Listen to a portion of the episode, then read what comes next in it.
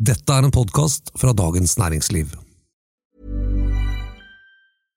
Cool fact a crocodile can't stick out its tongue. Also, you can get health insurance for a month or just under a year in some states. United Healthcare short term insurance plans, underwritten by Golden Rule Insurance Company, offer flexible, budget friendly coverage for you. Learn more at uh1.com. It's that time of the year. Your vacation is coming up. You can already hear the beach waves, feel the warm breeze, relax, and think about work. You really, really want it all to work out while you're away. Monday.com gives you and the team that peace of mind. When all work is on one platform and everyone's in sync, things just flow wherever you are. Tap the banner to go to Monday.com. Many of us have those stubborn pounds that seem impossible to lose, no matter how good we eat or how hard we work out. My solution is PlushCare. PlushCare is a leading telehealth provider with doctors who are there for you day and night to partner with you in your weight loss journey. They can prescribe FDA-approved weight loss medications like Wagovi and Zepbound for those who qualify. Plus, they accept most insurance plans. To get started, visit plushcare.com slash weight loss. That's plushcare.com slash weight loss. Streiken med Norge, men får den også politisk betydning? Og det drar seg til i Arbeiderpartiets ledelseskabal. Dette er den politiske situasjonen. En podkast om politikk fra Dagens Næringsliv med politisk redaktør Fridtjof Jacobsen og meg, kommentator Eva Grinde.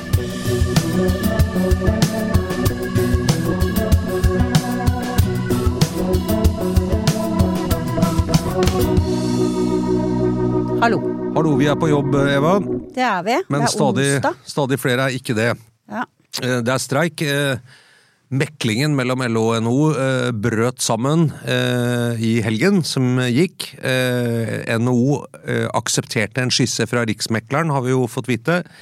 Mens LO sa nei til den, og tok dermed ut flere tusen mennesker i streik. Varslet ny opptrapping på fredag, og i går fikk vi vite at de også jobber med en tredje runde opptrapping. Ja. Det kan jo bli en veldig stor streik som etter hvert vil merkes veldig godt. Eh, 25 000 tok de ut på, på søndag. Det var da det brakte løs. Eh, 17 000 nye nå på fredag, vel. Ja. Og som sagt, vi befinner oss nå på onsdag. Og så må vi legge til, ja, Samfunnet går jo, tross dette svære tallet, så går jo samfunnet relativt som normalt. Lærerstreiken mange, merket nok mange litt mer til. Men, men Det er færre øl, da. Det er, eller det er noen Det er litt manko på fatøl og, Ja, og ja. Sett det, men det vel Det går rundt, men, men går det eh. Men eh, kommer det et par runder til med uttak, så vil det nok etter hvert være mye som stopper opp. I dag så jeg at Veidekke, en svær entreprenørbedrift, hadde sendt ut permitteringsvarsel til alle sine ansatte, f.eks. Så man skal ikke underspille alvoret i situasjonen, selv om det for mange tror jeg liksom er hverdagen går sin gang, da. Du, du nevnte noe, du, du sa dette med eh, Riksmeklingsmannen som har lagt frem en skisse. ikke sant? Og når, når, når, når han på en måte legger frem noe som et forslag til begge parter, så er det på grunnlag av samtaler med begge parter og en tro på at dette her er noe som faktisk begge to skal godta. Ja, og det er jo litt eh, teknisk, men, men Riksmeklerinstituttet er jo, kan jo av og til er jo da et offentlig organ som eh, er oppnevnt, ofte av tidligere dommere, er det vel ofte, som, som prater med partene, prøver å få de til å bli enige. og eh, dette med skisser er jo, som det er sagt, det er vel skisser, altså forslag til liksom her eh, ut sondert med hva de forskjellige partene mener, tror man kanskje man kan bli enige om det. Det er, det er ikke så vanlig altså at det kommer lenger. noen skisser, men, en, men en avtaletekst vil jo, Det er jeg er litt å stusse over, for det, det betyr jo da at Riksmekleren har vurdert at her er det mulig å skape enighet. Det er liksom min beste kvalifiserte er akkurat mening. Det akkurat det. Og så sier LO nei, eh, og da betyr jo at han må ha feiltolket LOs posisjon ganske Ja. kraftig. Eller at, at de har forandret den. Eller at de har forandret den, ikke sant. At det skjedde noe. Det, det er jo veldig sånn interessant å håpe ja, man på en, eller annen, på en eller annen måte kommer til bunns i hva som egentlig skjedde der. For det er jo, sånne prosesser er jo interessante. Hva er det som gjør at man kan begå en sånn feil? Eh, ja, og Handlet om feilvurdering, eller var det en endring fra LO sin side? Og så, blir det også sagt at det er historisk at dette er et eh, såkalt mellomoppgjør. og øh, Og dette er det sikkert mange av våre lyttere som vet, men, men bare for å rydde litt hos oss selv, som vi har lært eh, Altså et mellomoppgjør som er annethvert år. Handler bare om penger, men, også litt om hvordan pengene skal fordeles, selvfølgelig. Mens de hovedoppgjørene kan også handle om andre ting i tariffavtaler, nemlig pensjon og rettigheter og og sånn og regnes jo ofte for å være noe mer kompliserte. De er mye mer kompliserte. Det er ofte eh, der det blir streik. Men samtidig kan det jo være lettere å finne litt løsninger, fordi man kan gi og ta litt i forskjellige deler av tariffavtalene. Men det at det blir en konflikt og streik mellom LO og NHO i et mellomoppgjør, det har visst ikke skjedd siden krigen. fordi det man jo vet om denne typen oppgjør, at hvis det bare handler om penger, så må man jo bli enige til slutt, før eller siden, og det vil jo for begge parter ofte være hensiktsmessig å bli enige før det blir streik, med alt det medfører av skade. Så, så det er jo en gåte for meg litt hvorfor eh, og, og dette uten å fordele noe skyld, men kan det tenkes at LO for eksempel vil ha en streik nå, rett og slett. Altså fordi de mener det eh, strategisk sett vil være lurt å markere at eh, denne gangen så tar vi en streik for å vise litt at alvoret i situasjonen. De vil jo åpenbart ha en streik, eller de har i hvert fall gått til, til streik på, på, det grunnlaget. Og det har jo også vært eh, uvanlig høy temperatur i, i denne konflikten sånn høy eh, nærmest underholdningsverdi. Det har jo vært Beskyldningene har haglet mellom eh, partene, og det har til og med vært eh, truet med politianmeldelse. For det som skjedde, var jo at tallet, altså ramme, rammetallet på forslaget om 5,2% lønnsvekst, det kom ut på søndag. Eh, og så ble jo da hele diskusjonen hvor kom, hvem lekket dette tallet, og, og hvorfor. Og så hadde du jo da påfølgende mandag, jeg tror det var Aftenposten som var først, med, med alle tallene. Altså nemlig hva som inngår i det 5,2 %-tallet. For det er jo ikke bare eh, et tall. Det er ganske viktig hvor, vi, hvor, stor del av det som skal gis sentralt, og hvor stor del av det som, skal gis lokalt. Det er særlig det spørsmålet som Det er vel der også en løsning kommer til å ligge. Fordi LO mener at den delen som løses eh, sentralt, er for liten. Og den delen som skal løses lokalt, er for stor. Og det er fordi at ulike bransjer har ulik forhandlingsevne. Mm.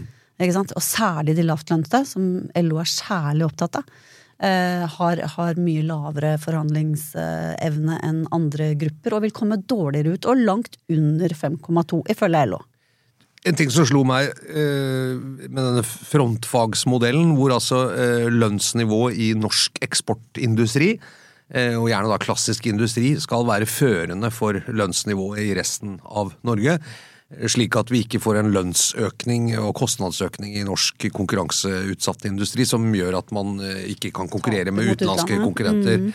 Det har jo vært et, eh, et, nesten et dogme i den norske lønnsdansen helt siden 90-tallet.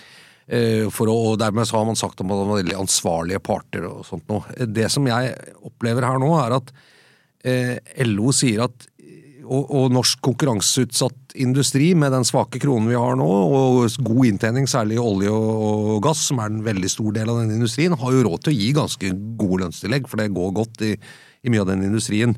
Så, så, det er vel ikke akkurat der eh, det butter på å kunne gi ordentlige tillegg, men at LO eh, nå sier at denne modellen har over de siste årene ført til at store deler av norsk arbeidsliv så vil arbeidstakere blir hengende etter og får redusert kjøpekraft. Men si mens andre fordi... vil stikke av gårde med en ganske stor gevinst. Det er ikke modellen som har ført til det, det er jo at de ikke har fulgt modellen som har ført til det. da. Ikke sant? Fordi at man har, man har lokalt gitt helt andre typer tillegg. Sånn at eh, Det er det man finner ut eh, liksom, i februar hvert år med denne tekniske beregningsutvalg. Så ser man hva som faktisk er lønnsøkningen i de ulike bransjene. Blant annet har inkludert bonus og, og den type ting. Som jo også er en veldig sentral ting i konflikten her. Eh, for noe av det som har fyrt opp eh, humøret i, i LO, er vel uten tvil det som ble avslørt nå i, i februar, da, med, med, veldig store tillegg i enkelte bransjer, særlig olje og gass og finans. Ja, og også 21... for ledere og funksjonærer, ikke sant. Ja, ja. Mm. ja spesielt for ledersjiktet, men mm. også for, eh, for alle Ja, snittet, da. Snittet ble høyere enn en det som ble vedtatt. Og da begynner det jo å bli interessant, for jeg kan jo forstå at hvis LO NHO er litt overrasket og sagt at uh, plutselig skal man gjøre om på helt sentrale ting i denne modellen, nemlig at en uh, viss prosent tas sentralt, og resten tas lokalt, hvor de bransjene som har god råd, må gi mer, og de som ikke har så god råd er veldig utsatt og har dårlig inntjening, reiseliv for eksempel, og andre ting, de, Der blir det mindre. Så, så sier LO at nei, nå skal vi gjøre om hvis vi skal ha mye mer sentralt. Og det vil jo, det vil jo gjøre at Og kjøpekraftsøkning skal være for alle. Og det er klart, det vil jo si noe Dette er jo helt nye tanker. Vi har liksom alltid funnet oss i at industrien leder her, og noen kommer godt ut, og noen kommer dårlig ut. Men, men det er jo også kanskje et tegn fra Ellesons side om at denne modellen og frontfagsmodellen, som også har vært angrepet ganske kraftig fra lærere og mange i offentlig sektor, som sier det gjør at vi blir hengende etter i lønnsutviklingen sammenlignet med mange i privat eh, sektor. Så har det vel eh, utviklet seg litt sånn, i litt sånn stigende grad, ikke sant? Altså ja. sånn over, over, årene. Så nå, nå, begynner man på en måte å nå et, nå et punkt. Uh, ja, ja, at den er med på å øke forskjellene mellom ja. forskjellige yrkesgrupper. Noen får redusert kjøpekraft og dermed dårligere råd, mens andre kommer godt ut. Og at det er et eller annet som skurrer i den modellen. Og hvis den er i spill, altså slik den eh, har blitt utformet og praktisert de siste årene, så tror jeg vi står foran en ganske ny situasjon altså i, i lønnsdannelsen i Norge. Eh, men jeg kan forstå ut fra de tallene LO ser på, se at denne modellen og det som liksom har vært vanlig, det, det funker ikke lenger for store deler av, av, våre organiserte. De blir hengende etter å miste kjøpekraft, mens andre får mye. og da, da kan vi ikke liksom gå med på dette igjen. Men da er vi tilbake til det sentrale, nemlig som, som jeg, som jeg tror er liksom krukset med konflikten her nå. Det er fordelingen mellom det, mellom det sentrale tillegget og det lokale. ikke sant? Mm. For at NHO er jo på sin side skeptiske til å, eh, til å ha en, eh, en, liten andel lokalt, fordi, eller altså en stor andel sentralt som alle blir pålagt, uavhengig av økonomisk evne hos den enkelte bedrift. ikke sant? For da, de, da kan de bli pålagt å på en måte øke lønna så mye at de, at de sliter økonomisk med å få det til å gå rundt. Så, så man kan se de to tingene, men det er jo der det ligger en løsning. Det er der NHO er det ligger i kortet at det, skal, at det skal bli en bevegelse der, så er spørsmålet hvor stor må den være for at LO kan godta det. Her, eh, ja, ikke sant? Ja, sånn ja, hvordan må brøken flyttes fra ja, lokalt til sentralt før de kan bli enige om noe? Liksom må det være en større andel? Og Der kan vel kanskje løsningen ligge idet den bevegelsen kommer, og så får vi se hvor mye det blir. Men, men spørsmålet i toppen her var jo kan det, kan det få politiske ringvirkninger? Denne streiken. Er i og for seg en fair arbeidskonflikt i ordnede former, får man si, eh, innenfor de liksom, prinsippene og tradisjonene vi har. Men, og de skal jo liksom ordne opp, og det er eh, armlengdes avstand osv., men det er klart det er politikk her. Ja, for jeg, det jeg, jeg tror det peker på, og det er jo ganske sånn sentral eh, politisk størrelse, nemlig ulikhet. Eh, og at eh, noen eh, rett og slett får det dårligere, eller ganske store grupper får det dårligere, og nå da i møte med prisstigning, renteøkning, Eh, strømpriser osv., så, videre, så vil det merkes for mange. Og Her er jo en X-faktor som ikke har vært inne, men som ble nevnt eh, litt sånn i marginene før oppgjøret tok til, nemlig at industrien og arbeidsgiverne kan ikke gi så mye lønnstillegg at de setter liksom, arbeidsplasser og, og, virksomheter i spill. Det mener jo NHO kan skje hvis det blir for stort. Mm. LO må eh, kjempe for store grupper som har falt bak og fått negativ kjøpekraftutvikling de siste årene. Så hvordan kan man løse det? Og da er jo tredjeparten staten. Kan man gå inn med ordninger som går inn mot lavtlønte grupper, med eh, lavere strømpriser, eh, redusert matmoms, er det noen som har snakket om og krevet, sånn at maten i hvert fall blir noe billigere i butikken? Eller andre typer rettede bevilgninger som gjør at, at man sier at med det inn i miksen, så, så, får du egentlig ikke redusert kjøpekraft, i hvert fall selv om ikke lønnstillegget ditt blir så stort. Men det er vel ikke aktuelt å liksom ta det inn i forhandlingene mellom LO og NHO. Altså det, det, som er interessant er du jo Frp og Rødt gikk jo rett ut og sa uh, ja, det dette er regjeringens egen skyld at det blir streik nå, fordi de nettopp ikke har gjort de du, tingene du sier der.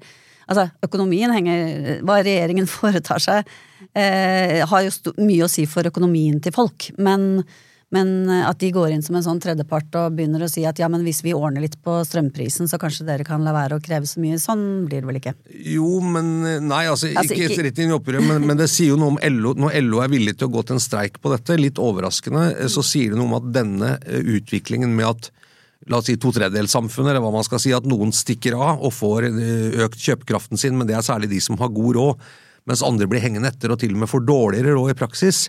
Eh, det er ikke bare et problem i lønnsdannelsen, men det er nok også et politisk problem. og jeg tror det, det er nok et signal for LO vil si at, eh, at denne regjeringen, og særlig, denne regjeringen, må prioritere de gruppene enda sterkere i sin økonomiske politikk. Og at det kan dytte dem den veien, og særlig hvis denne, denne konflikten varer og tilspisser seg osv. Det er klart at det, det er jo klart at mye av den forklaringen regjeringen selv eh, ynder å, å trekke fram når det gjelder sine egne politiske problemer, handler jo om penga til folk og kjøpekraft og betalingsevne. sånn at det er jo, det er jo absolutt politikk, for å si det mildt. Ja, ja, Eh, jeg- Lommebokpolitikk det handler om for tiden. Så, jeg, jeg, jeg tror, altså Nå er vi jo i en litt spesiell situasjon med en veldig høy prisstigning og, og renteøkninger. og Det er jo en en ganske ny situasjon da, at man får dårligere råd, og at mange som er bekymret for egen økonomi. og Vi har hatt matkøer og matutdelingskøer osv. Men jeg tror dette er jeg tror dette vil sive inn i politikken. Det er ikke så lenge til Arbeiderpartiets landsmøte, som vi skal snakke litt om i Bolk 2 her. Eh, Men at vi får en streik på nettopp på forskjellssamfunnet. For det er egentlig det, det, er egentlig det LO altså Hvis LO hadde snakket litt mindre om lekkasjer og, og raseri mot NO, NO og snakket mer om at vi kan ikke ha et lønnsoppgjør som øker forskjellene mellom de med eh, lavere og lavere middels lønninger og de andre. Vi kan ikke gå med på det nå. Så er vi plutselig inne i noe politisk som jeg tror er ganske eh, brennbart, og som også vil eh, handle noe om innretning på skattepolitikk, på avgiftspolitikk, på lønnsoppgjør i offentlig sektor, eh, ikke sant? og ting som, som plutselig blir mye mer politisk. Første omgang vil du sikkert sette en liten stemning også for nettopp det landsmøtet til Arbeiderpartiet om, om bare to uker. Eh, jeg har hørt noen folk med grunnlag for egne meninger anslå at denne streiken vil vare i én til to uker. Vi vet jo ikke. Eh, personlig har jeg ikke noe inntrykk av at den er uløselig. Eh, jeg syns det er mye sånn eh, mye sterke ord eh, på en måte over bordet, men, eh, men veldig mye tyder jo på at de snakker med hverandre, og det er, det er liksom en ja, kollegial, profesjonell eh, eh, eh, dialog mellom partene. Eh, så Ja, En streik om penger vil jo alltid kunne løse seg, det, det, for prinsipper er vanskeligere, ikke sant? Men, ja, ja. Men at den derfor heller ikke kommer til å, å vare, vare så lenge, da. Men er ikke det verdt å tenke litt over? Eva, At, altså, jeg, jeg tror vi vi tenker, i hvert fall jeg tenkte, at Norge er jo et eh, likhetssamfunn. Vi har ikke de enorme forskjellene i lønn og levestandard som mange andre mye mer klassedelte samfunn har. Og det er jo en verdi som står ganske sterkt i Norge, denne likhetstankegangen. Men hvis man ser på tallene de siste årene, eh, så ser vi faktisk at eh, Og ikke- og jeg vet ikke om det er politisk bestemt heller, selv om LO og andre sikkert vil skylde på Høyre og sånn med det, men at det, vi har fått en utvikling som, som faktisk øker ulikheten. Eh, og det vet jeg ikke helt om vi har tatt inn over oss at det er faktisk det som skjer, hvis du ser på, på tallene. Eh, fordi man tenker at norsk politikk egentlig gjør at jo, det, vi har noen rike og vi har noen fattige, og vi har en del som har noen har veldig god råd og noen har ikke så god råd osv., men alle får liksom stedvis, eller skritt for skritt bedre. Det er det vi forventer av lønnsoppgjør og politikk osv. Tror jeg er litt sånn i de brede lag. Men så har ikke det skjedd. Og jeg, jeg syns egentlig det kanskje er fair kan du si om dette er riktig måte med LO å gå til streik og avklare, og kan det egentlig løses i et sånt oppgjør og, og sånn, eh, eller er det flere som må inn i det? Men det å adressere denne utviklingen, eh, det, det tror jeg er litt eh, jeg syns ikke det er helt urimelig, og jeg syns det det er i og for seg legitimt at LO som en stor organisasjon eh, går inn i det, for det handler om det, mange av deres medlemmer. Ja, og så igjen da, se på forholdet mellom LO og Arbeiderpartiet, som jo da sitter i regjering. Det er jo også en, en spesiell eh, kombo, ikke sant? At du har eh, veldig nære, nære og viktige politiske forbindelser mellom de to organisasjonene, og de da på en måte har hver sin, eh, hver sin rolle i, i denne konflikten her sånn. Og Eh, og, og det man ser også, hvis man går løs på eh, bare sånn tverrsnitt av de forslagene som nå har kommet inn til det landsmøtet nå om to uker, så handler det veldig mye om eh, eh, mer likhet, mer utjevning, mer statlig Altså at staten skal gå inn og hjelpe folk osv. Altså en, en venstredreining, da. Så sånn sett så kan jo kanskje denne ja, litt, litt an på hva de ender opp med, da, med streiken, men altså, den, den vil jo spille inn på på bevegelsene i Arbeiderpartiet òg. Ja, den er, den er i hvert fall inne i den politiske tidsånden på en eller annen måte som jeg syns ikke har kommet så godt fram, fordi det har handlet veldig mye om liksom, det litt dårlige og anstrengte forholdet og skissene og lekkasjer osv. Men Ja, det blir veldig sånn smått, Men, men, eh, men en sånn, en, et sånt eh, moment til er jo dette med, med med, ikke sant, for, altså prisoppgang som fører til renteøkning osv. Eh, er jo noe av det problemet man diskuterer veldig mye. Og hvis man altså presser lønningene for mye opp, så er jo det også noe som er med å drive det samme. ikke sant? Sånn at ja, det er også et, det er også et, et moment her, da. Ja, ja, det, det, er jo, ikke sant. Blir det for høy lønnsstigning, og, og da kanskje nå i et, I iveren etter å løfte de laveste, så vil man få en del sånn uønsket ekstra lønnsøkning på toppen. Dette tror jeg mange kjenner fra sine egne bedrifter hvis man jobber der, et lønnsoppgjør hvor, hvor, hvor, klubber skal si hva skal vi ha i år, skal vi ta potten og fordele på et kronetillegg, sånn at de som tjener dårligst på en måte får prosentmessig mest, eller skal vi ha et prosenttillegg som gjør at de som tjener mest, eh, får mest, ikke sant? Og de, og det, det, kan jo være gode grunner av og til eh, når de som har dårligst råd og minst marginer, er jo de som kjenner mest når prisene på basisting som strøm og mat og, og, og banklån og sånn øker. Så, eh, så ja, det ligger noen ting her. Men, men jeg, jeg, er interessert i hvordan dette går, og det er interessant du nevnte også det med de forslagene til landsmøtet. Jeg har også sett på. Det er veldig mye av det som handler om økonomisk utjevning. og og egentlig litt om det som vi har snakket om, nemlig vanlige folks tur. Ja, dytting til venstre, faktisk. Ja, og ikke sant? kan godt si det sånn. Så det er, men, men øh, ja. ja. Eh, men vi, skal jo, vi må snakke litt mer om det landsmøtet, for det er jo andre ting som koker litt eh, i inngangen der også. Det er det. Det skal vi snakke om. Fordi det, det braker løs som uh, Hvis jeg husker riktig, nå skal jeg sjekke kalenderen. Så jeg ikke jeg jeg. på jorda. Er tre uker, eller? Nei, to. Er to uker, ja. 4. mai. Ja. Da er det landsmøte i Arbeiderpartiet. Yes. Uh, I Oslo. Uh, Folkets hus. Jungstorget. På Jungstorget. og det er jo Det er jo et landsmøte for et parti som er i en ganske heftig oppslutningskrise. Det må man kunne en eh, ledelse som får mye kritikk, eh, både i avisen, men, men også eh, internt. og, I partiet, ja. ja og det er, det er jo en del av toppvervene i Arbeiderpartiets ledelse i dag er jo da en partileder Jonas Gahr Støre, og så er det nestleder Bjørnar Skjæran, og så er det partisekretær Kjersti Stenseng. Så det er, en, tre stykker i toppledelsen. Eh, Hadia Tajik gikk jo av. Ja, de hadde to nestledere. De hadde to, og så gikk hun av, og så har hun ikke blitt erstattet. Så ja. Og så er jo da det, de som, det som har vært i oppkjøringen her, er jo at Tonje Brenna, kunnskapsminister, eh, skal inn og ta den plassen som har stått tom da, siden Hadia Tajik som skal ha to nestledere. Eh, og da, eh, hvis bare hun kommer inn, Skjæran, Bjørnar Skjæran som nestleder, Tonje Brenna som nestleder, Jonas Gahr Støre som partileder, Stenseng som partisekretær, to kvinner, to menn, 50-50, balanse, noenlunde geografisk fordeling. Eh, ja, det er liksom det som ville vært det minst dramatiske, men eh, flere ting er i spill. Ja, og, og vi, må, vi, kan jo bare slå fast med en gang det er jo faktisk ikke noe formelt forslag om den, den skissen du tegna opp der. Foreløpig, i hvert fall ikke fra valgkomiteen. Det har på en måte eh, hva skal vi si, dryppet seg fram til at det, det, ser veldig ut som det er en stor stemning for å få Tonje Brenna inn eh, som ny nestleder i Arbeiderpartiet. Hvis ikke det skjer, så tror jeg veldig mange blir overrasket.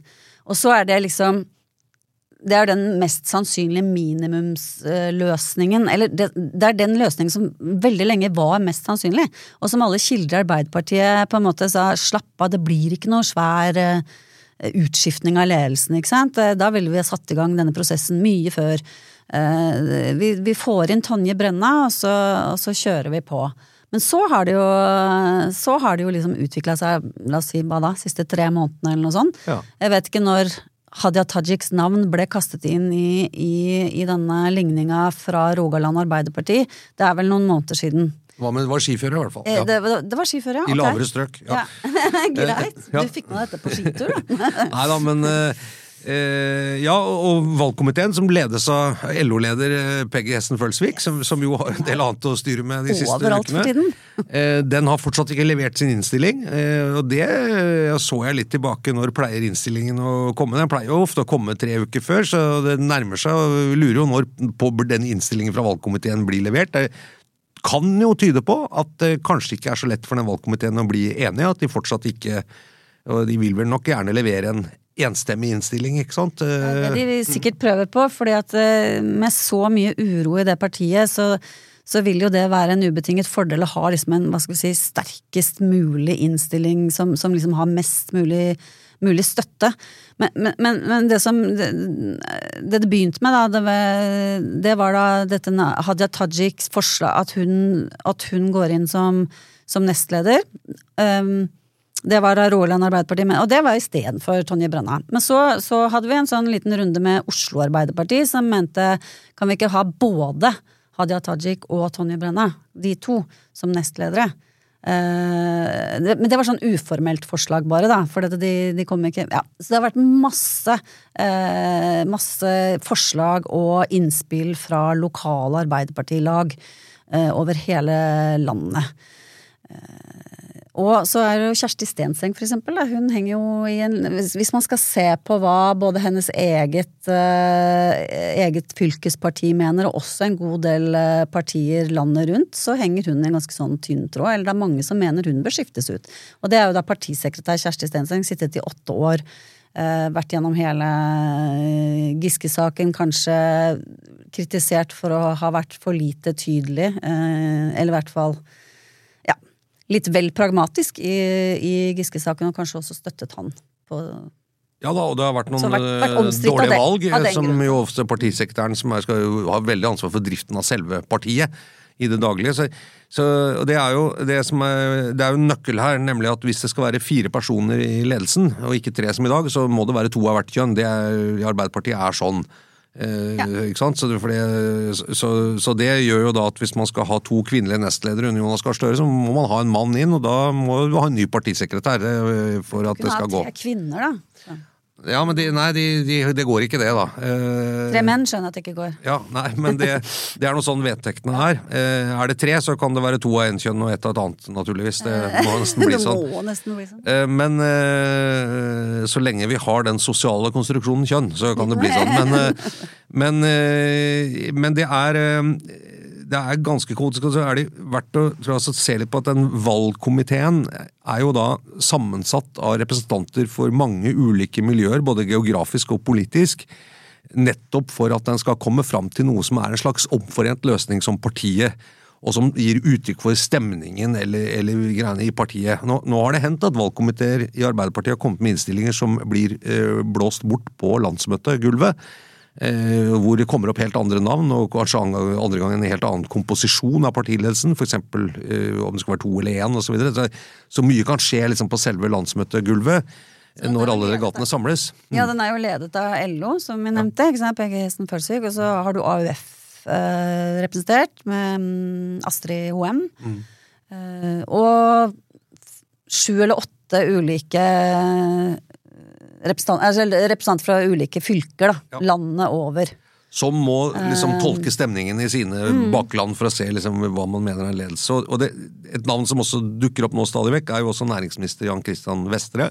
Det er veldig interessant. Eh, er han eh, en, en mulig makker i nestledervervet sammen med Tonje Brenna? Hva skjer da med Bjørnar Skjæran?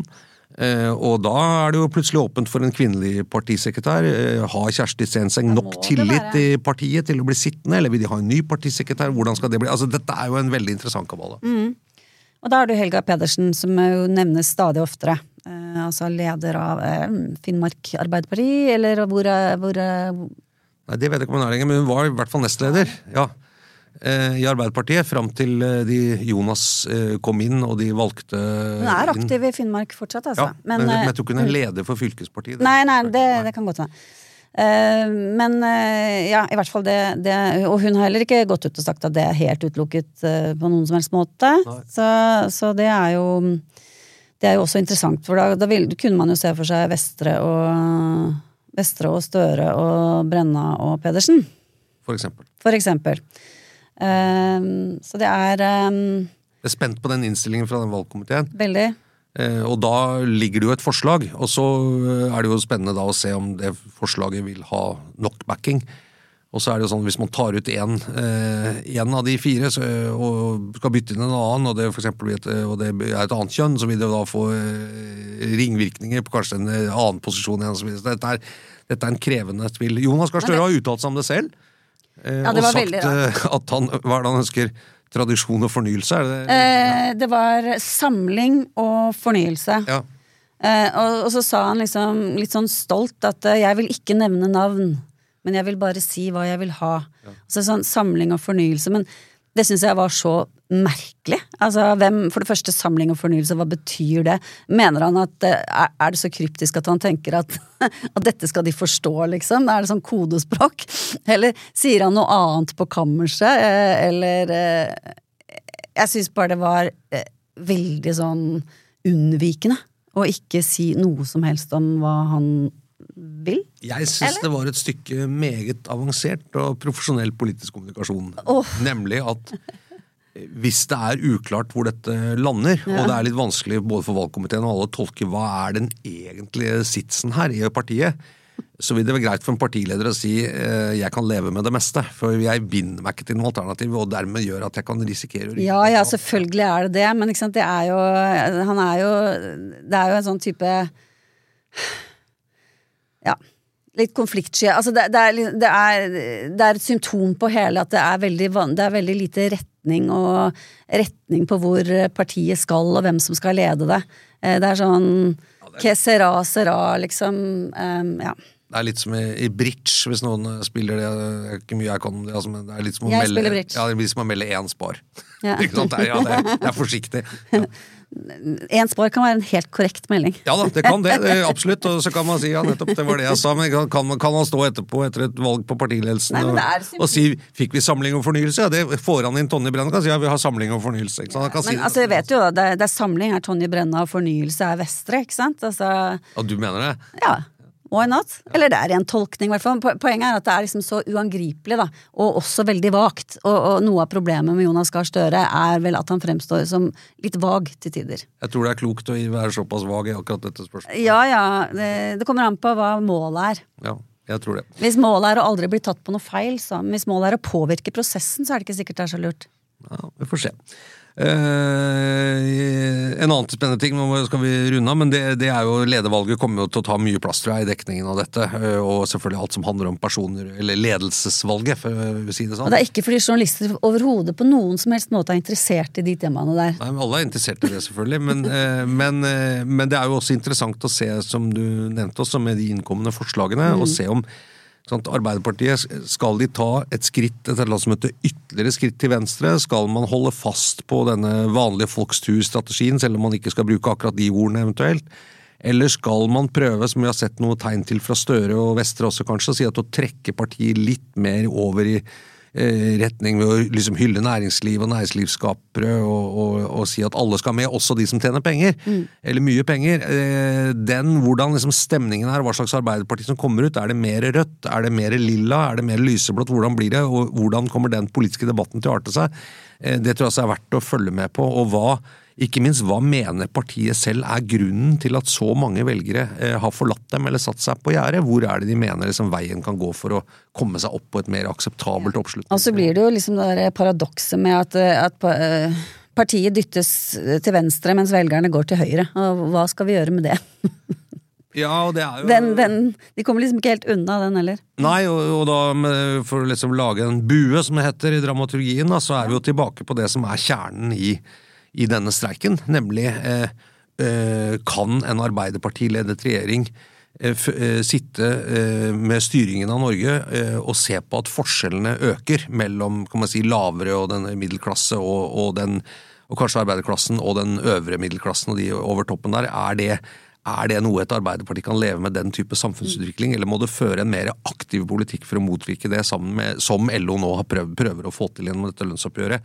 Ja, jeg tenkte jeg skulle, for jeg, jeg, jeg snakket om det som den krukset er liksom dette med å få større andel over på, på sentralt tillegg, men et moment til er jo også, eh, som jeg tror ligger i en forhandlingsmulighet, er det å få, få, få større tillegg til spesielt utvalgte lavtlønnsgrupper, de som ikke har eh, rett til lokale forhandlinger osv., at det også kan ligge muligheter der, da.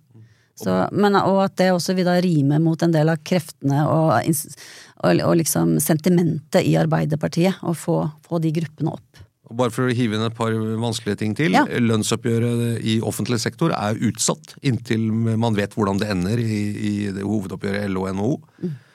Så vi kan jo gå inn i landsmøtet med det også. Eh, Hvordan skal lønnsutviklingen være i offentlig sektor? Veldig mange Arbeiderparti-velgere jobber i offentlig sektor. De er selvfølgelig opptatt av dette. De kjenner jo også skruen fra de vanskelige økonomiske tidene. Og så har vi et jordbruksoppgjør eh, på toppen av det, som vel også er i gang når dette her skjer. Eh, Så det er ganske mye styr eh, å håndtere, også på utsiden av landsmøtesalen for, for de som skal sitte der. Som spiller inn. Ja. Nei, men det blir gøy, det. Ja, vi skal dit begge to. Ja, det skal vi. Får lage en podkast derfra når den tid kommer. Ja, kanskje. det må vi gjøre. Det må gjøre. Eh, Det var i hvert fall denne ukens utgave av Den politiske situasjonen. En podkast fra Dagens Næringsliv med Eva Grinde og Fridtjof Jacobsen i studio. Produsent er Gunnar Bløndal, og vi høres igjen neste uke. Det gjør vi. Ha det bra. Ha det.